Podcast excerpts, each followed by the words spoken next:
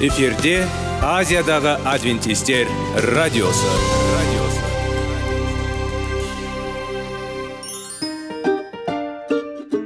сәлем достар. Денсаулық өмір бұлағы және біздің бірінші байлығымыз демекші денсаулық сағаты рубрикасына қош келдіңіздер. Біздің рубрикада біз әртүрлі факторларменен мәліметтерменен кеңестерменен бөлісіп шын жүректен сіздердің дендеріңіз сау болғанын қалаймыз. Сол үшін біздің рубрикаға қош келдіңіздер. Дайындалып тұрыңыздар. Өйткені келесі минуттарда қызықты фактілерге ие боласыздар. Енді достар ең бірінші байлығымызды қолымызға алып алға кеттік.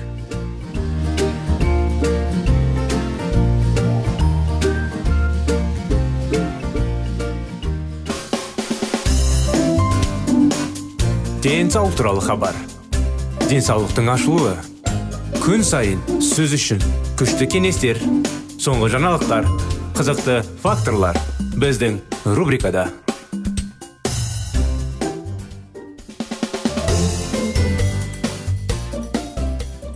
армысыздар құрметті тыңдаушыларымыз сәлеметсіздер ме достар сіздермен бірге денсаулық сағат бағдарламасы қытай зерттеулері тақырыбымызды біз ары қарай жалғастыра кетеміз қытайда майды тұтынудан өте төмен деңгейін ескере отырып алтыдан жиырма төртқа дейін пайызға дейін мен алдымен диетадағы майлардың болуы батыста болғандай. Жүрек қантамыр немесе қатерлі ісік ауруының пайда болуына әсер етпейді деп сендім кейбір адамдар мысалы менің ғылым мен медицинадағы көптеген әріптестерім тамақтануда айтайды. Онда калийдің 30 пайызы майлармен. Майы аз тамақтанумен қамтамасыз етіледі. Осылайша диетадағы май мөлшері төмен. 25-30 пайызы деңгейінде бұл көрсеткіш денсаулыққа максималды пайда беру үшін жеткіліксіз болып саналды. Бұл диетадағы майлардың үлесі азайған кезде денсаулыққа пайдасы болмауды деген ойға келді. Бірақ мұнда біздің тосынсый күтіп тұрды. Қытайдың ауылдық жерлеріндегі зерттеу нәтижелері диеталық майлардың 24-тен 6 пайызға дейін төмендеуі сүт безі қатерлі ісігінің даму қаупін азайтты. Алайда қытайда майды тұтынудың төмен деңгейі. Жануарлардың тамағын тұтынудың төмендеу маңызды екенін білдірді. Сүт безі қатерлі ісігінің пайда болуымен. Майларды жеу арасындағы байланысты анықтау әйелдің осы ауру үшін қауіп тобына енетіп басқа факторларда қарастыруға мәжбүр етті. Менархеннің ерте басталуы. Алғашқы етеккірдің басталу жасы. Қандағы холестериннің жоғары деңгейі. Кеш менопауза әйел гормондарының жоғары деңгейі. Осы қауіп факторлары бойынша қытай зерттеу нені көрсетті? Майдың көбеюі мен холестериннің жоғарылауы арасында өзара байланыс бар қанға енді. Және бұл екі факторда әйел гормондардың деңгейінің жоғарылауымен қатар. Өз кезегінде сүт безі обырның пайда болуы жиілігінің артуымен он артқасында менархиннің ерте жастан басталуы бір қызықты қытайдың ауылдық жерлерінде. Менархия әдетте әлде қайда көп кейінгі жаста. 25 әйелдерге әр 130 ауылы. Атсалысқан қабылданған зерттеуде қойып оларда алғаш рет етеккір басталды. Орташа алғанда бұл ауылдар бойынша көрсеткіш 15 жылдан 19 жылға дейін өзгерді. Ал орташа көрсеткіш 17 жылға тең болды. Көптеген зерттеулер менархеннің ертерек басталуы туралы куәландырды. Сүт безі қатерлі ісігінің даму қаупін арттырды. Менархынның басталуы қыздың даму жылдамдығымен анықталды. Ол неғұрлым тез жүрсе соғұрлым ертерек басталады. Сондай ақ жас қыздардың тез дамуының салдары көбінесе ересектерде жоғары өсу сондай ақ ауырсыну салмағы мен май тіннің көп мөлшері болып табылатындығы туралы жеткілікті дәлелдер бар. Және осы факторлардың барлығы сүт безі қатерлі ісігінің даму қаупін арттырады. Менархеннің ерте басталуы қытайлықтарда да батыс әйелдерінде де эстроген сияқты қандағы гормондардың жоғарылауының әкелді. Бұл гормондардың уравинансы жануарлардың тамағына бай тамақтану жағдайында.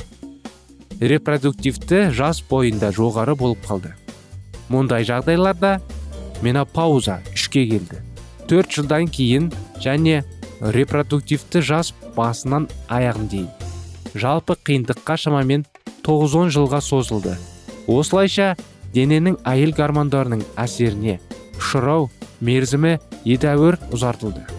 Басқа зерттеулер репродуктивті кезеңнің ұлғаюы мен тәуекелді арасында ол байланыс бар екенін көрсетті. Сүт безі обырының жаңалықтары. Бұл қатынастар кешені одан да әсері болды. Ұлғайту майларды тұтыну критикалық жастағы 35-тен 44 жасқа дейінгі қандағы эстрогеннің жоғары деңгейімен. Сондай ақ 55-тен 64 жасқа дейінгі әйел пролактин гормонының жоғары деңгейімен байланысты. Деңгей арасында айтарлықтай байланыс бар. Бұл гормондар және жануарлардың ауыздардан сүт және енді жеу. Өкінішке орай біз осы гормондар деңгейінің қытайдағы сүт безі қатерлі ісігінің даму қаупін жоғарылаумен тікелей байланысын анықтай алмадық. Өйткені аурудың өзі пайда болды. Өте сирек кездеседі. Қытай әйелдері арасында сүт безі қатерлі ісігінің деңгейі батыс елдеріндегі әйелдерге қарағанда 5 есе төмен. Өте маңызды байқау. Диетадағы майлар мен жануарлардың ақауыздарының көп мөлшерімен репродуктивті гормондардың деңгейі мен ерте жастан басталу арасындағы айтарлықтай байланыс. Өйткені соңғы екі факторда сүт безі қатерлі ісігінің даму қаупін арттырды. Осының арқасында біз балаларымызды жануарлардан алынатын көп мөлшерді тамақтандыруымыз керек екенін белгілі болды. Егер сіз әйел болсаңыз онда жануарлардың көп мөлшерін тұтыну сіздің репродуктивті кезеңіңізде шамамен 9-10 жылға ұзартады деп елесте аласыз ба? Айтпақшы бұл қиындықтарды қызықты қорытынды. Журналдардың негізгі қалаушы атап өтті. Глория стайнем тиісті тамақтану арқылы менарханның басталуы кешіктіріп жас өспірім кезіндегі жүктілік жиілігін азайту болды. Гормондар туралы тұжырымдардың басқа жануарлардың тағамағын тұтыну қатерлі ісік ауруының жалпы жиілігіне әсер ететіне көрсетуді кез келген әдісі бар ма? Бұл өте қиын бірақ біз өлшеген көрсеткіштердің бірі әр отбасындағы онкологиялық аурулардың жиілігі болды. Осындай анықтама бүгінгі күнде де достар сіздердің назарларыңызға. Бағдарламамыз аяғына келіп жетті. Жалғасын келесі жолы жалғастырамыз. Келесі бағдарламамызға дейін сау болыңыздар.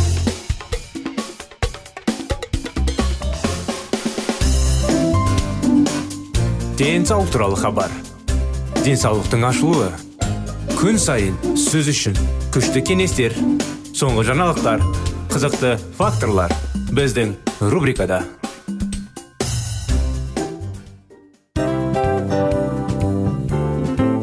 Әуелі байлық денсаулық екінші байлық он саулық үшінші байлық ақ жаулық. Ал енді осындай радио парақшадан кейін не дейміз? Барлықтарыңызға денсаулықтарыңыз зор болсын деп тілейміз. Денсаулықтың өзгеруі кішкентай нәрселерден басталады. Осымен біз берген кеңестер мен мәліметтер шын жүректен сіздер үшін қандай да бір болсын жәрдем берді деп үміттенеміз. Тыңдаушыларымызбен келесі радио парақшасына дейін қоштассамыз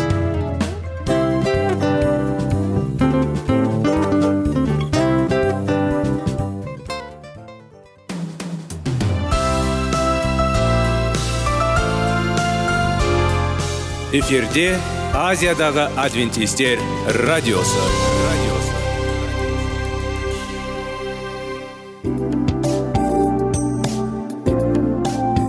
сәлем достар.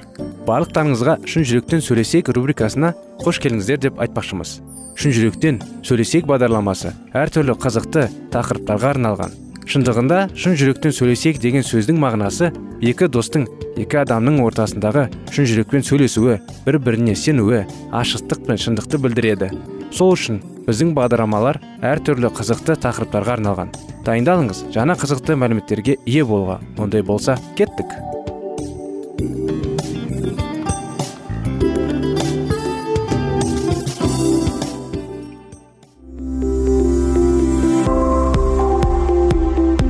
Алтын сөздер.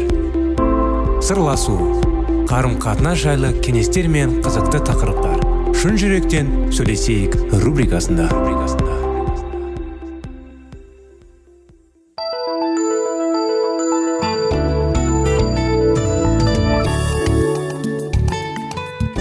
Сәлем достар. Армысыздар құрметті радио тыңдаушыларымыз. Сіздермен бірге шын жүректен сөйлесейік бағдарламасы. Қош келдіңіздер. Біздің бағдарламамызға сіздердің назарларыңызға 25 керемет неке оқиғаларын жалғастырудамыз. Ең жақсы болатынына сену. Жалғыз мен ғана шынайы құдаймын дейді құдай. Маған ұқсас ешкім де болмайды.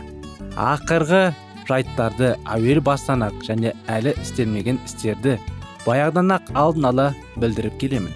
Біздің құдайымызға ұқсас ешкім жоқ деп жазатын болсақ ол қарабайыр сөз болып кететін еді.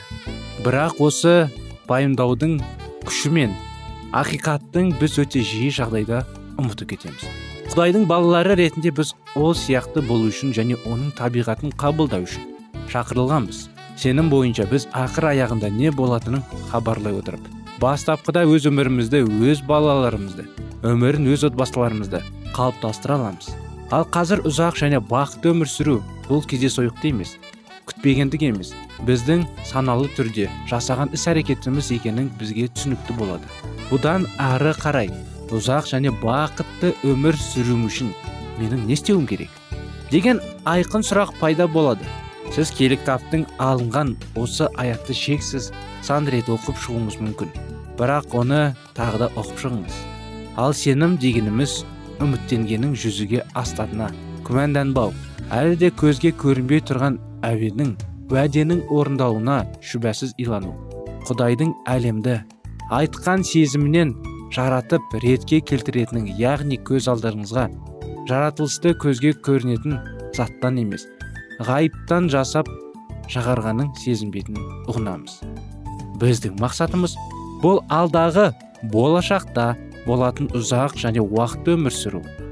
Ал сенім ол әзірше нақтылық бойынша сол үшін құрылыс материал болады. Жаратушы еміз біздің оның сеніміне лайықты істер жасағанымызға дейін де сенген болатын. Оның өзінің өзіне деген үлкен сенімінің болуының арқасында. Оның бізге деген сенімі зор болды. Біздің өмірімізде оның күшінің не нәрсе қол жеткізе алатынын ол біледі.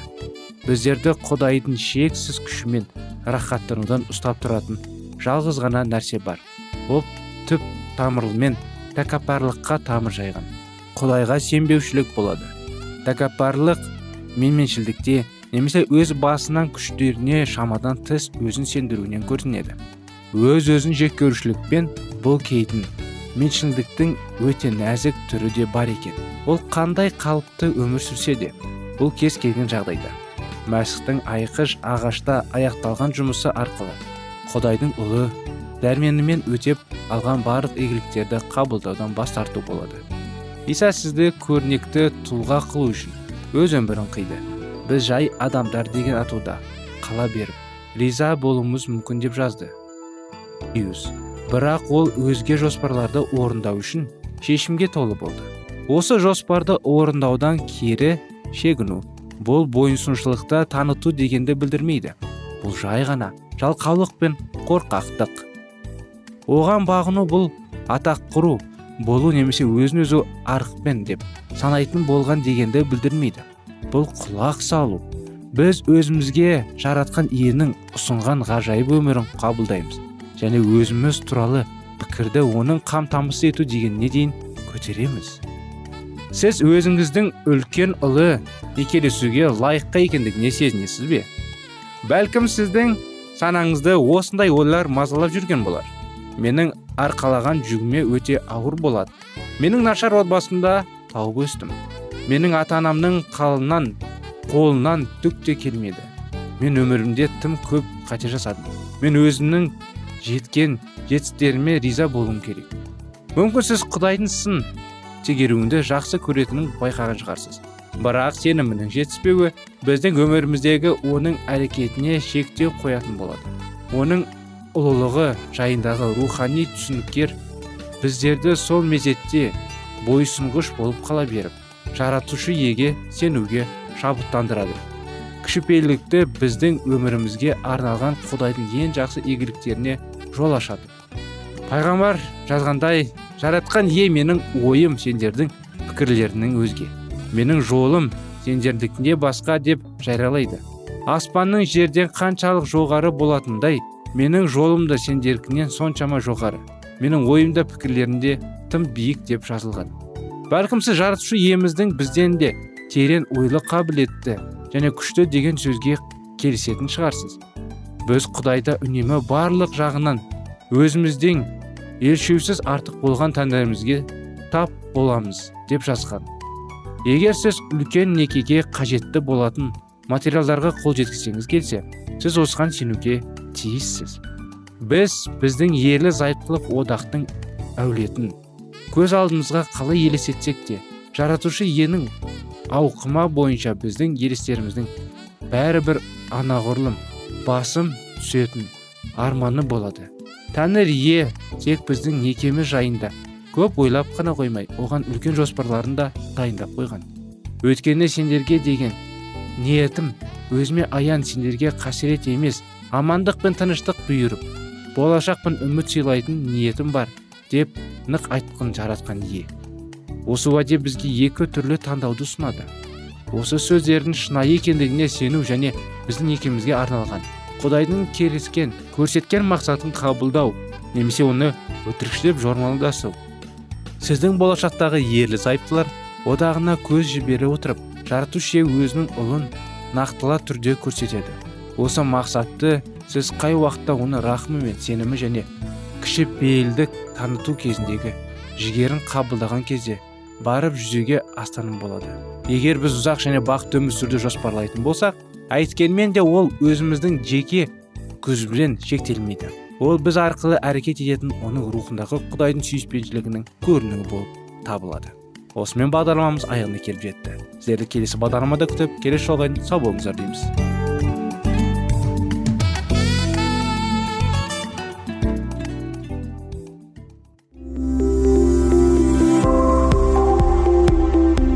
Алтын сөздер. Сырласу қарым қатынас жайлы кеңестер мен қызықты тақырыптар. Шын жүректен сөйлесейік рубрикасында.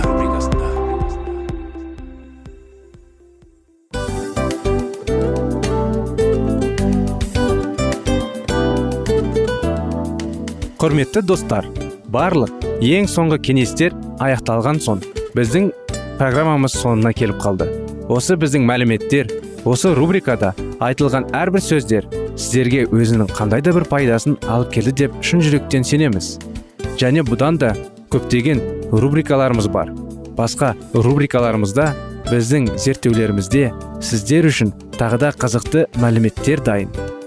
Біздің шын жүректен сөйлесейік парақшамызда көптеген әдістер ең соңғы кеңестер адамның нравственность жақтан моральдық жақтан тазалап байыта тұрған соңғы кеңестердің барлығын жанарады. Сондықтан алдыңғы күндерде бізбен бірге болыңыздар. Өйткені барлық қызықтар алдыда. Бізбенен бірге болғандарыңызға үлкен рахмет. Келесі кездескенімізше сау сәлемет болыңыздар.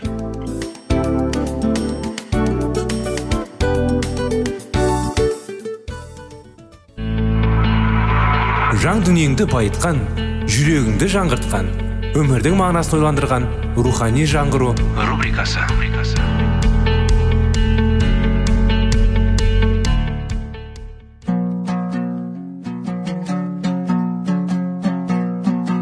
Ассалаумағалейкум. Біздің тыңдаушыларымыз келі кітаптың шындығын ашып берген қысқа бағдарламасына қош келдіңіздер. Барлығынан жоғары жаратушы біздің қарыңғылықта жалғыз қалдырып қойған емес. Өйткені ол келешекте не болу керек екенін кітаптың парақтарында ашып береді. Немесе келіңіздер бізге қосылыңыздар. Жаратушы бізге нен ашып бергенін зерттейміз. жиырма бірінші тарау. Қабылданбаған ескертпе. Вильям миллер мен оның серіктестері исаның жер бетіне екінші рет келетін жайлы уағыз айтуының басты мақсаты қамсыз отырған халықты құдай сотына дайындау еді.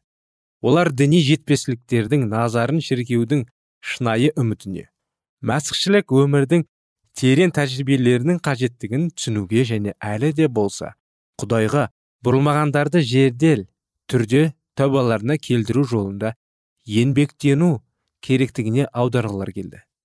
Менің еңбектерім қандай да бір жаңаша дінді уағыздауға арналған жоқ дейді миллер керісінше көпшіліктің көңілін ақиқатқа қарай бұруға бағытталған. Мен бар ниетімен халыққа көмектескім келеді. Жұрттың арқы шырқысын шығару секілді ойдан мүлден аулатыпты. Айта кетсем осы жазылған еңбектерімнің арқасында көп адам түзу жолды таңдап аллаға бет бұрды. Шынымен де шіркеулердегі адам саны көбейткендіктен дін басшылары оның еңбектеріне дұрыс көзбен қарады. Дегенмен кейіннен олар адвентистік ілімді жою мақсатында исаның екінші рет келетінің жайлы уағыздар айтылатын жиындарға жұрттың келуіне тыйым салды. Және мінбелерден миллерді балағаттап оның абыройын айрандай төгуге тырысты. Осы кезде сенушілер не істегендерін білмей қай жаққа бұрылу керектігін ұға алмай жағдырып қалды. Бір жағынан олар өз шіркеулерінен шеттеліп өз қауымдарынан бөлініп қалғанлары келмеді. Екінші шіркеулердің шеттеніп өз қауымдарына бөлініп қалғандары келмеді. Екінші жағынан оларға дін басшыларының киелі кітапты зерттеуге тыйым салғандары ұнамады. Сол себепті де көптеген адамдар шіркеудің кетіп қалуға мәжбүр болмады.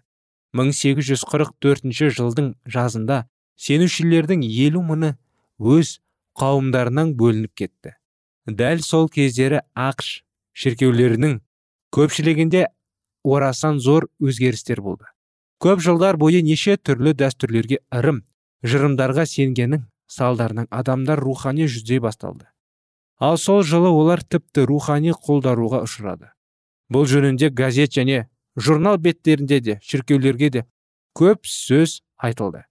Жиырма жыл бойы шіркеуде еңбектеніп жүрген діни қызметкерлер барнес өз көзінде сөзінде осы уақытқа дейін құдай кешін өткізген кезде шіркеу мүшелігіне бір адам қосылмай қалған жері жоқ еді. Ал қазір болса адамдар шіркеуге келуді қойды. Жеке меншік коммерция дегендер көбейген сайын жұрт рухани өлімге душар болды. Бұл көрініс бір шіркеуде ғана емес барлық деноминацияларда жақсы байқауды деген еді. Сол жылдың ақпан айында аберлинск колледжінің профессоры финей мынандай деректі жариялауға мәжбүр болды. Қазіргі кезде барлық шіркеулер дағдарысқа ұшырап тұр ал оның мүшелері сәннің құлына айналған. Олар неше түрлі мерекелерге қатысып би алаңдарына барып жаман әдеттеріне шылдығып күнәға құнығып алған. Асыра сілтеп жатыр деп ойламаңыздар. Өйткені бұған деректер дәлел. Халық құдайдан алыстап кетті. Сол себепті құдай да олардан қашықтады.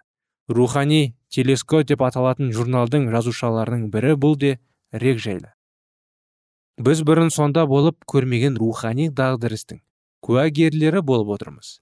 Шіркеу оянып бұл бақытсыздықтың себебін тереу іздеуді керек деректерді салыстыра келе біз құдайдың мейірімін қайда кеткен берекенің есігі жабылған ба?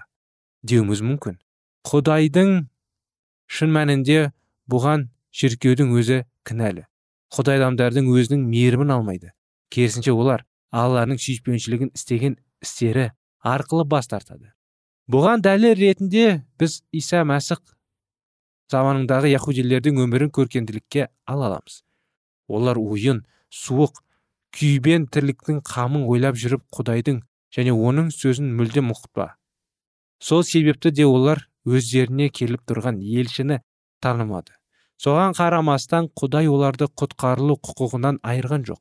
Бірақ ақиқаттың тұмшылының алған жандар көктің беріп тұрған сыйынан құр қалды. Олар алланың беретін белгісі бар екенін ойлаған да жоқ. Ал дінді тек ішкі дүниесінің көрсетпей жасырып тұрған жабу ретінде ғана ұстап отырды. Ібілістің көздегені де осы болатын. Яхудилер ізгі хабарды мойындамай ұлттың әдет ғұрыптарын ғана сақтап отырып алланың оларды қалай алыстап кеткенін сезбей де қалды.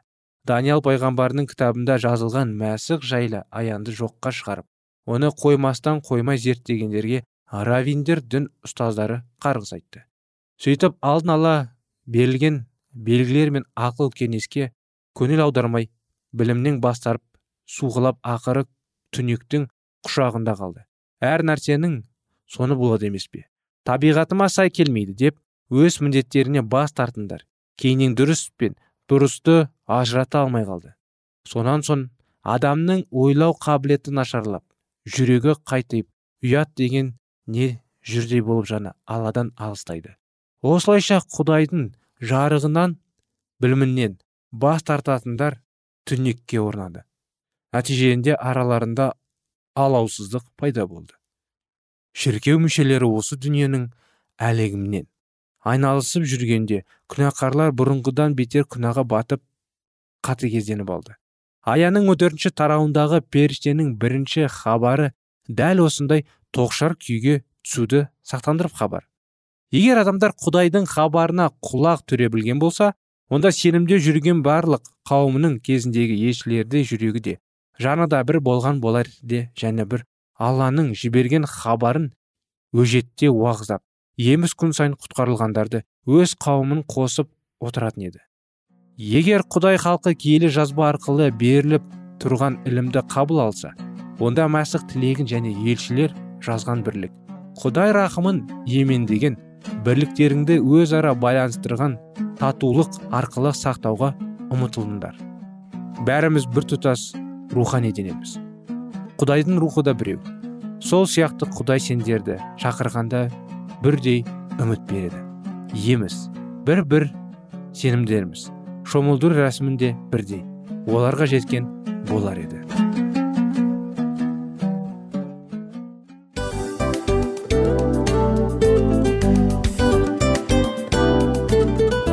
Осымен достар программамыздың зерттеуіміздің ең қайғылы минутына жеттік. Қайғылы дегенде бағдарламамыз тез арада өтті де кетті. Соған көңіліміз деп тұр. Жарайды қайғыны қояйық бүгінгі 24 сағаттың алтындай жарты сағатын бізге бөліп арнағаныңыз үшін рахмет. Егер де өткен сфераларда пайдалы кеңес алған болсаңыз біз өзіміздің мақсатымызға жеткеніміз. Тыңдаушыларымызбен қоштасу уақыты келді. Келесі кездесулерді сағынышпен күтеміз. Жарты сағатты кездесуіміз көз ашып шапқанша дем арасында өтіп кетті. Бірақ бізде жақсы хабар бар. Келесі зерттеулерімізде сөзсіз кездесеміз. Өйткені көптеген сюрприздер қызықты мәліметтерді және керекті нәрселерді көбін дайындадық. Бүгінгі күндеріңіз өзгеше позитивті болсын. Жақындарыңыз аман есен болсын деп тілейміз. Жаратқан ие барлықтарыңызға батасын берсін.